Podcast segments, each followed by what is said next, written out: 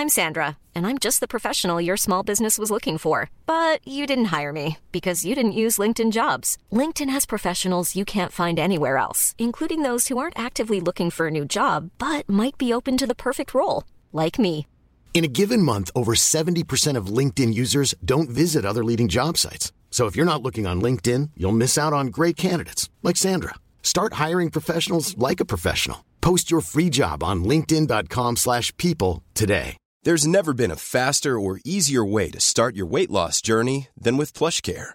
PlushCare accepts most insurance plans and gives you online access to board-certified physicians who can prescribe FDA-approved weight loss medications like Wigovi and Zepbound for those who qualify. Take charge of your health and speak with a board-certified physician about a weight loss plan that's right for you. Get started today at plushcare.com slash weight loss. That's plushcare.com slash weight loss. plushcare.com slash weight loss.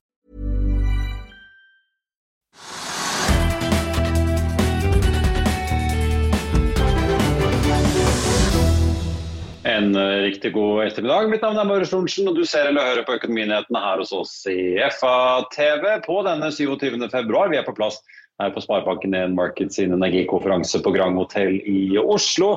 Vi skal høre fra finansdirektøren i Anker BP i denne sendingen, David Torvik Taune. Og vi spør jo om de da må låne masse penger i årene fremover, når de nå både øker utbyttene og også står overfor enorme investeringsprosjekter som jo skal betales for. Og så får vi med oss sjefen i den lille oljemyggen Questair Energy, som jo mange også har fulgt med på over tid. Vi spør sjefen der hvor lenge investorene må vente på en avklaring i denne rettslige striden i eh, den kanadiske provinsen Quebec, altså, hvor de sitter på masse gass, men sliter med at myndighetene ikke vil ha den opp av bakken.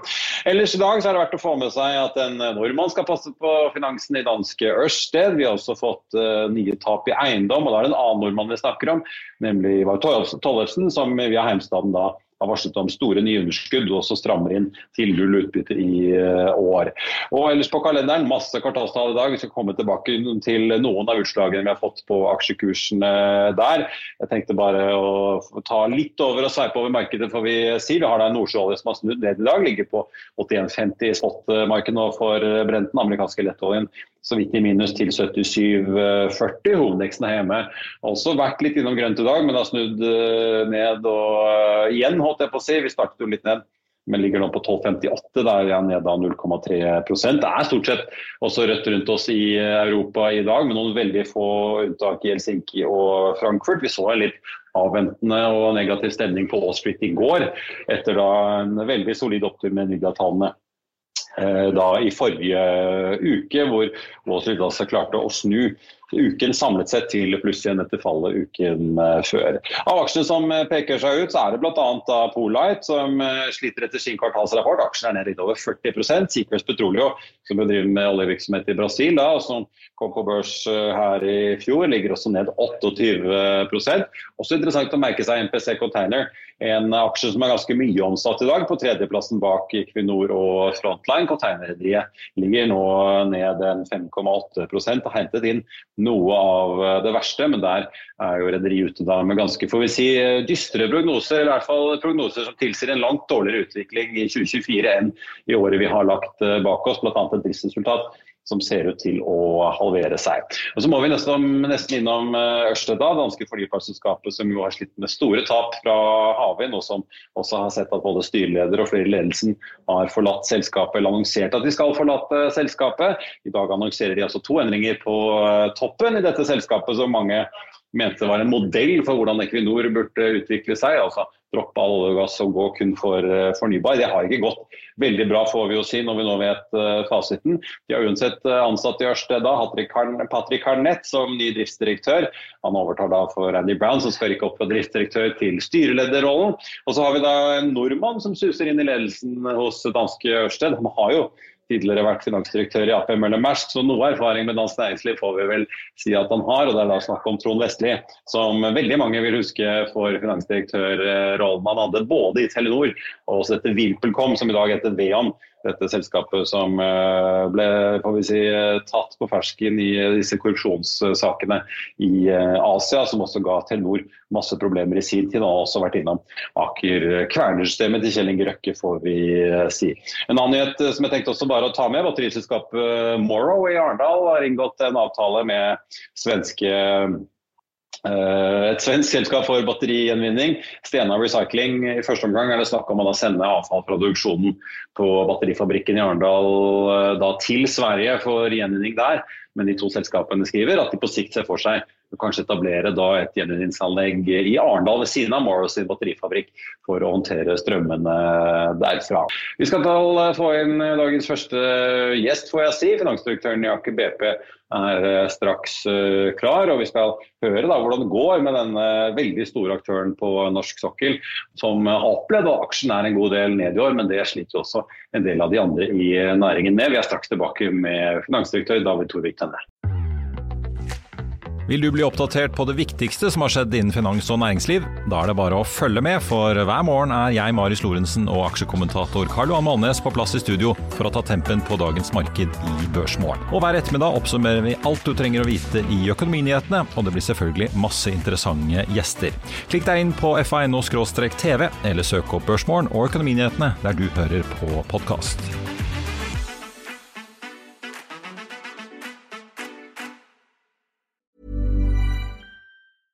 Hiring for your small business? If you're not looking for professionals on LinkedIn, you're looking in the wrong place. That's like looking for your car keys in a fish tank.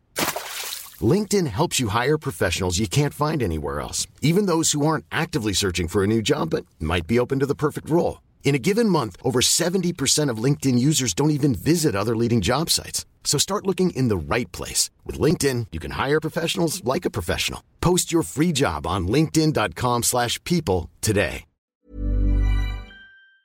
I'll see you in court. Vi sier det ofte litt på spøk, men for deg som driver business, er det aldri moro å innse at du ikke har laget en 100% gyldig kontrakt. Du bør ikke risikere hele firmaet ditt fordi du synes dette med kontrakter er litt stress. En avtale er ikke en avtale. Du kan miste kunder, miste venner, ja, til og med miste inntekter om du ikke lager en skikkelig kontrakt, på alt mulig, egentlig. Men vi vet det er et styr kopimaskiner, tregprinter og haugevis av papir. Dessuten stoler vi jo på folk her i landet. Det er ofte litt kleint å skulle be om en signatur for alt mulig, ja, for mye av styret handler også om jakten på underskriften.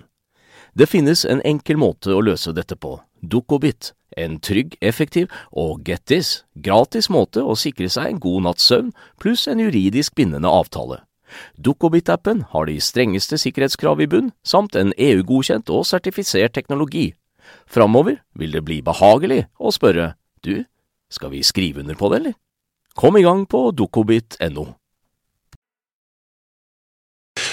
David Torvik Tønne, finansdirektør i Aker BP, på plass her og rett av eh, scenen sammen med finansdirektøren da, i Vår Energi og konserndirektør Egil Skryseth i Equinor. Eh, kan du si litt om stemningen eh, nå som finansdirektør i et av Europas største oljeselskap, får vi jo si, i hvert fall adjøavhengig. Aksjen er en del ned i år. Er det bare prisdrevet, eller er det noe annet som gjør at markedet er litt lunkne til sektoren? Ja. Nei, altså Stemninga er jo for så vidt god, da. Og her på konferansen er det jo kjempemye folk. Og vi hadde fullpakka sal med tilhørere på panelet, da. Så, så, sånn sett, så hvis du skal ta det på det, så vil jeg jo si at eh, stemninga er god. Men det er klart det er mye usikkerhet der ute, og eh, inflasjon er på vei ned, renta kanskje på vei ned, og vi ser det at det gjør kanskje noen investorer litt eh, nervøse mot eh, sektoren. Dere legger jo veldig mange scenarioer, eller dere planlegger for veldig mange scenarioer eh, fremover som olje- og gasselskap. Prisene er jo selvfølgelig veldig viktige for eh, kontantstrøm, inntekter og resultat. Er det litt sånn at markedet har en veldig sterk tilbudsside nå, eller hvordan ser det ut fra deres ståsted? På gassfronten ser vi en del aktører i USA, bl.a. Chesapeake, kutte ganske Altså de kuttet 20 i Capex-guidingen sin i år og snakket om at de skal ta ned produksjonen. Rett og slett for det er så voldsomt mye gass. Det virker jo ikke som det er noe mangel av olje i markedet heller? Nei, altså Vi er jo, eh, som du vet, hovedsakelig et eh, oljeselskap. Vi har jo ca. 15% gass i vår portefølje. Og så er det jo sånn at eh, Hovedfokuset for et industrielt drevet selskap er jo å drive med høyest mulig effektivitet og lave kostnader. Og så vet vi jo at markedet er volatilt, og prisene går opp og ned. Nå er det jo ganske mye fokus i markedet på at det potensielt kommer en LNG-bølge med, med, med, gass inn til markedet i løpet av de neste par årene. og det er kanskje kanskje litt med på å, presse prisen ned på gass. da. Men som sagt, vi er jo hovedsakelig et oljeselskap i Aker BP, så det er jo mer det vi er eksponert mot. Si litt om planleggingen som skjer i finansavdelingen. for Dere har jo et veldig stort investeringsprogram. Hvis man sammenligner med de store aktørene, så er det ganske jevn fart i Equinor. Vår Energi er nesten sånn ferdig med mye av sine prosjekter. Dere holder på med særlig da Yggdrasil, som er det største prosjektet. Voldsomme milliardsummer som investeres i de kommende årene. Da er jo selvfølgelig olje- og gassprisen også veldig viktig for hvor mye dere eventuelt må låne i mellomtiden. Eh, hvordan ser det ut eh, nå? Har eh, liksom lånebehovet økt sammenlignet med hva dere trodde, eller er dere omtrent på plan? Altså, vi har jo bygd en robust balanse over tid. Så eh, Hvis du ser på de grafene vi typisk presenterer som viser balansen, så har jo den eh, finansielle kapasiteten til selskapet økt de siste par årene. og Vi eh, gikk jo ut av 2023 med en eh, likviditetsbuffer på 6,8 milliarder dollar. Så Det har jo vært en del av forberedelsene til eh, investeringsprogrammet som vi nå står eh, midt inne i. og så er det jo sånn at over, Fremover så vil vi jo selvfølgelig da investere en god del del. Men så er det jo sånn at på norsk sokkel så får du jo også en god del skattefradrag for de investeringene man gjør. Og det gjør jo at free cashflow i sum blir robust fremover uansett. Ja, vil det komme et lånebehov? For dere har jo i bunnen her også et uh, løfte og et mål for aksjonærene at de skal få stadig økende utbytter også. Betyr det at dere en periode nå må låne opp penger for å både kunne håndtere utbyttene og disse store investeringene, selv om dere kommer ut av 2023 med en bra balanse? Altså, vi optimaliserer jo kontinuerlig eh, balansen i selskapet, og vi har låneforfall som er i 25-26, eh, som vi sikkert kommer til å refinansiere på et eller annet tidspunkt. Så er det jo sånn at Vi har jo en underliggende drift med over over 400 000 fat per dag med, med, lave kostnader, som genererer kjempemye cashflow. Og Det er klart det er jo den som ligger til grunn for eh, utbytteplanene våre. Og vi ser jo på dette her over investeringssykkelen. Og Da har jo vi en ambisjon om å vokse utbyttet med minimum 5% per år frem til den investeringsperioden er ferdig. Når du ser reaksjonen sånn som Equinor fikk etter sin kapitalmarkedsdag, de kuttet jo utbyttene og ble straffet hardt for det. Så ser du jo på en måte en litt sånn kontrær eh, reaksjon fra de store europeiske olje- og energiselskapene, hvor man er veldig opptatt av fremover at man enten holder eller øker eh, utbyttene. Hvordan reflekterer du over det der investorsentimentet? Er det, stilles det liksom veldig høye krav til dere som sektor nå, fordi folk i utgangspunktet er litt skeptisk og derfor krever veldig god direkteavkastning? Ja. Så jeg tror investorene i olje og gass de er hovedsakelig opptatt av eh, verdiskapning. Og så er det sånn at mange også ønsker kontinuerlig å få tilbake et utbytte eh, gjennom en investeringssykkel. Og det er det som vi som, som selskap tilpasser oss. Og så er det sånn at det finnes mange ulike typer investorer der ute. Noen er mer opptatt av den langsiktige veksten, andre er mer opptatt av direkteavkastninga. Så det er det vi må tilpasse oss som, eh, som sektor. Det siste jeg lurte på, Hvis du ser på bank- og obligasjonsmarkedet, så var det jo en periode hvor en del aktører og en del banker trakk seg helt ut, og mange gjeldsinvestorer ønsket ikke å gå inn i olje og gass. Så har jo en del sentiment snudd, men det virker som noen banker har kommet tilbake. Hvordan ser det egentlig ut for dere? Hvordan opplever dere at uh, de finansieringskildene da utover uh, egenkapital og aksjemarkedet egentlig agerer uh, for dere nå? Altså, vi har jo notert at eh, en del nordiske og europeiske banker har vært ute og kommunisert at de, de ønsker å fase ut eh, fundingen til industrien. Men så ser vi samtidig at eh, veldig mange andre banker eh, tar en holdning om at de istedenfor å ekskludere, ønsker å insentivere selskapene til å forbedre sin performance og sine utslipp.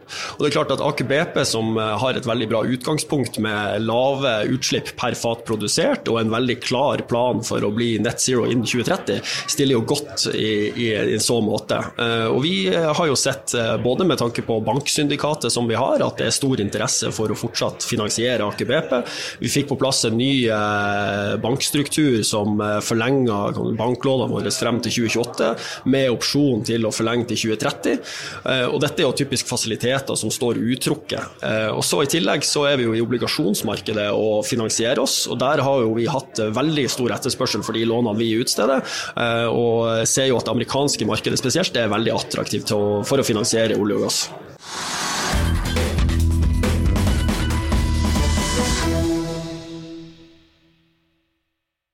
Michael Binion, CEO of uh, Quester, uh, here at the Sparbanken and the Markets Energy Conference in uh, Oslo. Uh, a lot of people know your company for your gas uh, reserves or resources that you've discovered in Quebec that you struggle expl uh, exploiting just because the government there seems to want to leave it in the ground. But just over the new year now, you got a, um, I guess, a, a, halt from the Superior Court or a temporary ban of that allows you to continue working. Is that it, basically, or? Yeah, not quite so much of that. I, I always say people I've, my entire career looking for oil and gas, I always thought finding it was the hard part, but uh, Quebec's taught me that producing it can be even harder. So uh, we yeah we've been working very hard there on uh, two two aspects. One is the legal, which has just come up and been some recent news, which I think you're getting to. But but the other thing is it's also caused us to spend a lot of time on technology and and an investment in ways to produce the gas with much lower emissions. Um, so with respect to your specific question, I think the recent interest is the Superior Court judgment is that they have put in a, an injunction or in Canadian terms, a, a stay on the implementation of the law to ban oil and gas in Quebec. And the, the stay is on not the entire law, but on important elements of it that now makes it very difficult for the for the government to enforce the law until there's been a final ruling on our case. So, in practice, what does it mean for you on the ground? Can you at all start investing in actual building up the necessary infrastructure to uh, produce this natural gas, or is that too early? Yeah, well, again, we, we need government cooperation, obviously. So it's not like, well, we got a temporary, you know, we got a, stay on the bill, so we can now go do what we want. Of course, we'll still need government approvals for drilling wells and things. So I don't, I don't think it allows us to just run ahead. But what it does mean in practical terms is we've just submitted uh, an update to our previously announced pilot uh, application for carbon sequestration testing. We've now put in a, a program to the government, uh, which we're looking for the government to be a major financier or maybe even complete uh, funder of, of over a hundred million dollar pilot project on carbon sequestration, uh, a full commercial pilot for carbon sequestration, which we're talking to the government about as a way forward to produce these this gas. So you want to maybe produce ammonia or hydrogen out of this natural gas instead of just natural gas, then?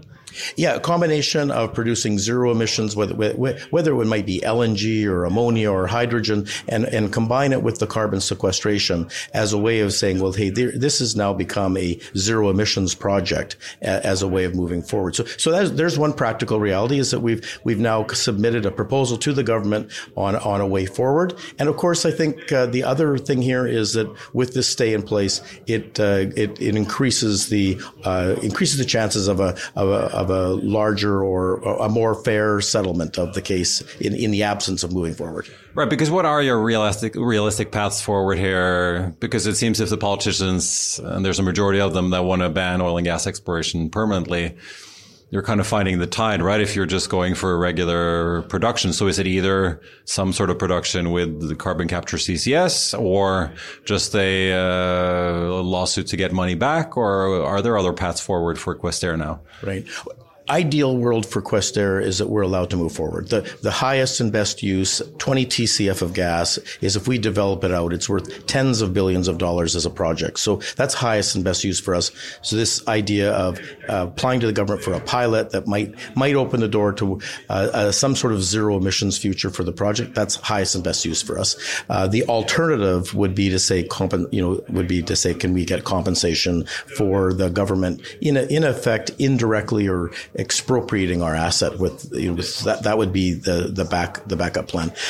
I think what's interesting to know so is that what's been happening in, you know, all around the Western world in terms of recognizing we don't really have enough electricity. We don't really have enough energy for a lot of our, uh, a lot of our aspirations around electrifying the economy and so on and so forth. Th- this is, this is happening in Quebec too.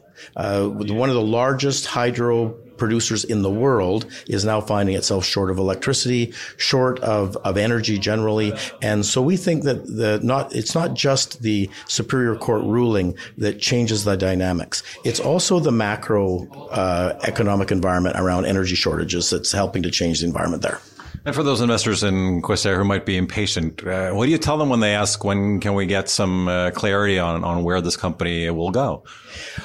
Well, just to shift gears a little bit, because uh, as I've been saying to people in the last, you know, the last number of years, we, we don't spend all our time on Quebec because you know there's not an opportunity to move forward. We did we did do a lot of work, obviously, to develop a, a hundred million dollar plus pilot plan, but we're spending our time on the technologies uh, the technologies and the approaches that we developed to try to address the environmental problems in Quebec, we're now applying in in Utah. We're now applying them in Alberta. We're now looking at a project in Kingdom of Jordan. And these are all around the idea of blue, blue oil, blue gas, all these uh, different options for us. And that's where we spend most of our time. And we've got a major, major project that we're working forward in, in Utah on oil shales.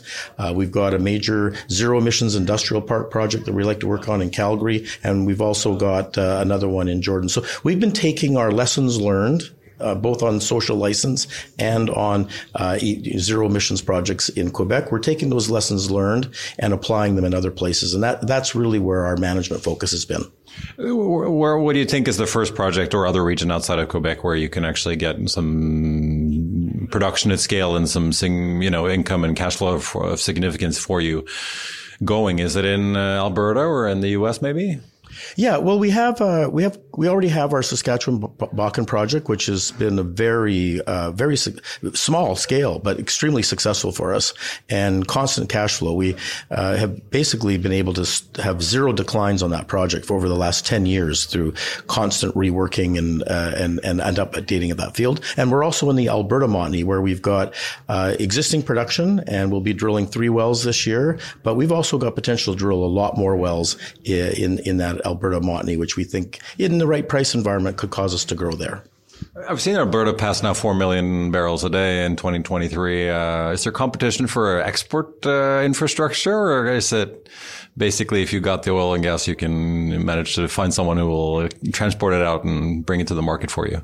Yeah, constant problem in Alberta. The, the, the, the, it's a little bit like United States, the fight between the federal and state rights. We've got the fight between provincial and federal rights in Canada too. So a federal government that's trying to make it a little bit more difficult for Alberta to, to export its oil. In spite of all of that, as you pointed out, production keeps going up. Uh, the TMX pipeline will be shortly just putting a, a line load in. So that's going to open up a lot more ex, uh, export for us, uh, that new pipeline to the West Coast. And so at least in the short term, the, it, it's optimistic for Alberta being able to get market egress. In the long term, I think we're hoping for changes in government that would be more friendly towards energy security worldwide. Last question I have is uh, if you look at uh, down in the U.S. now, Chesapeake, one of the big players in, in natural gas, uh, has actually just cut their guidance for capex and production for 24, and they point to just the abundance of natural gas in the North American market. Um, how, how do you reflect in Questerre on sort of the business case for natural gas, given the abundance of resources? The interesting thing, well, for, first of all, I would say, uh, you know, we produce uh, in our Montney assets in Alberta, it's 50% gas and it's 50% condensate and oil, but it's over 80 to 90% revenue from the oil. And so we don't really rely on that gas for the revenue. Of course, if it was to go up, it'd, it'd, be a nice bonus at the, at the, but we, at the margins, but we produce those assets for the oil and the gas is an additional for us, right? Um, relative to the Quebec asset, it's in an interesting place where it's gas right on tidewater. And so it's definitely got access to LNG markets. And I think it gives us a different local market price than you have generally in the United States. So it would be, um, it's generally Henry Hub plus 1 at least in Quebec.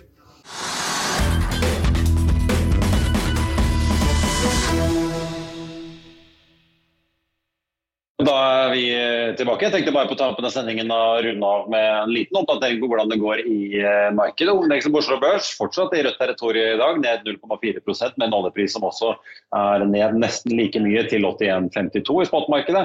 En pris jo eh, mange her på Sparebanken Markets sin energikonferanse følger nøye med på. I USA så ligger oljeprisen nå på 77,51. Så er det da de oljerelaterte aksjene får vi si, i eh, både Frontline og MPC som preger omsetningslistene høyt i dag. Equinor ligger på topp ned en halv prosent, men vi har altså da Frontline ned 3,8 nest mest omsatt. En aksje vi har sett stor interesse for på omsetningslistene den siste tiden. Og så har vi da containerrederiet MPC, som jo altså fortsatt ligger ned litt over 5,5% nærmere 6 ned eh, nå, etter kvartalsrapporten som altså slår full kontra etter tredje kvartal hvor de jekket opp guidingen. Nå er det altså litt dystre prognoser for 2024, hvor vi da ser et forventet fall i både omsetning og også resultat. Sikkerhetspetroleum Polite sliter også tungt etter sine kvartalsrapporter i eh, dag. Og så tenkte jeg også bare å nevne, Vi fikk jo den strengt tatt i går, da, men det er en av eh, selskapene som skal være her på energikonferansen som har sluppet sine tall. IVS, Integrated Wind Solutions. Dette eh, rederiet drevet av Lars Henrik Røren, som jo driver inn mot servicedelen av havvind. Den aksjen er opp eh, litt over 8% i dag på kvartalstallene som kom i går. En ting er at De går over det euroregnskapet i IVS, men de har jo da også mottatt den første av totalt seks uh, serviceskip. Det første ligger nå i Danmark og forbereder seg på å gå i gang med sin første kontrakt på Doggerbank uh, vindparken i Storbritannia. Selskapet har ikke sånn voldsomt mye penger på bok. Sitter du på kontantstrømmen, så gikk de i fjor ut rundt 50 millioner euro investeringer. 32 kom inn fra emisjon og 26 fra lån. endte da på litt over 30. Eh, så I denne tunge investeringsfasen skriver selskapet også da at de utforsker fremtidige finansieringsmuligheter, og de åpner for at det kan både inkludere bank eller obligasjoner. Eh, leasingløsninger eller da også mer egenkapital, så det er verdt å holde et øye på. En annen aktør i får vi si, offshoresektoren, om ikke akkurat eh, så mye havvind, sier Offshore, er ned litt over 4% i dag. Økte skipsverdier bidro imidlertid til at selskapet kunne bokføre et resultat på over en milliard kroner i dag. Det viser kvartalsrapporten fra den eh, kroken. Ellers så får jeg også bare nevne at eh, Hydrogenpro stiger ganske kraftig i dag. Den har vært oppover 18, ligger nå opp nesten 16% Selskapet tidoblet inntektene i fjor, men vi må også sette et prestisjeprosjekt på vent.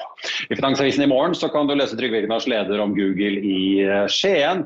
Du kan lese mer om dette stupet i omsetningen som MPC Container venter. Du kan lese om private equity-fondet EQT sitt nye gigafond. Det blir mer om at Nordeas Robert Ness selger seg ned i Norwegian.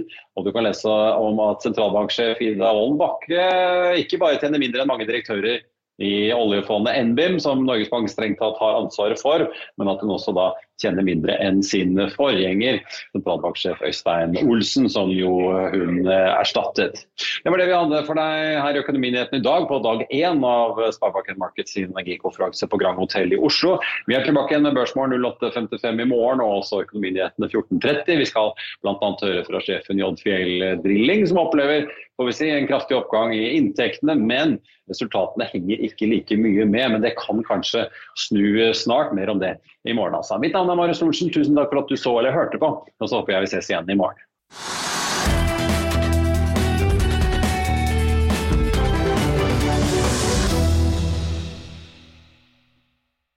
Økonominyhetene er en podkast fra Finansavisen. Programledere er Marius Lorentzen, Stein Ove Haugen og Benedikte Storm Bamvik. Produsenter er Lars Brenden Skram og Bashar Johar. Og ansvarlig redaktør er Trygve Hegnar.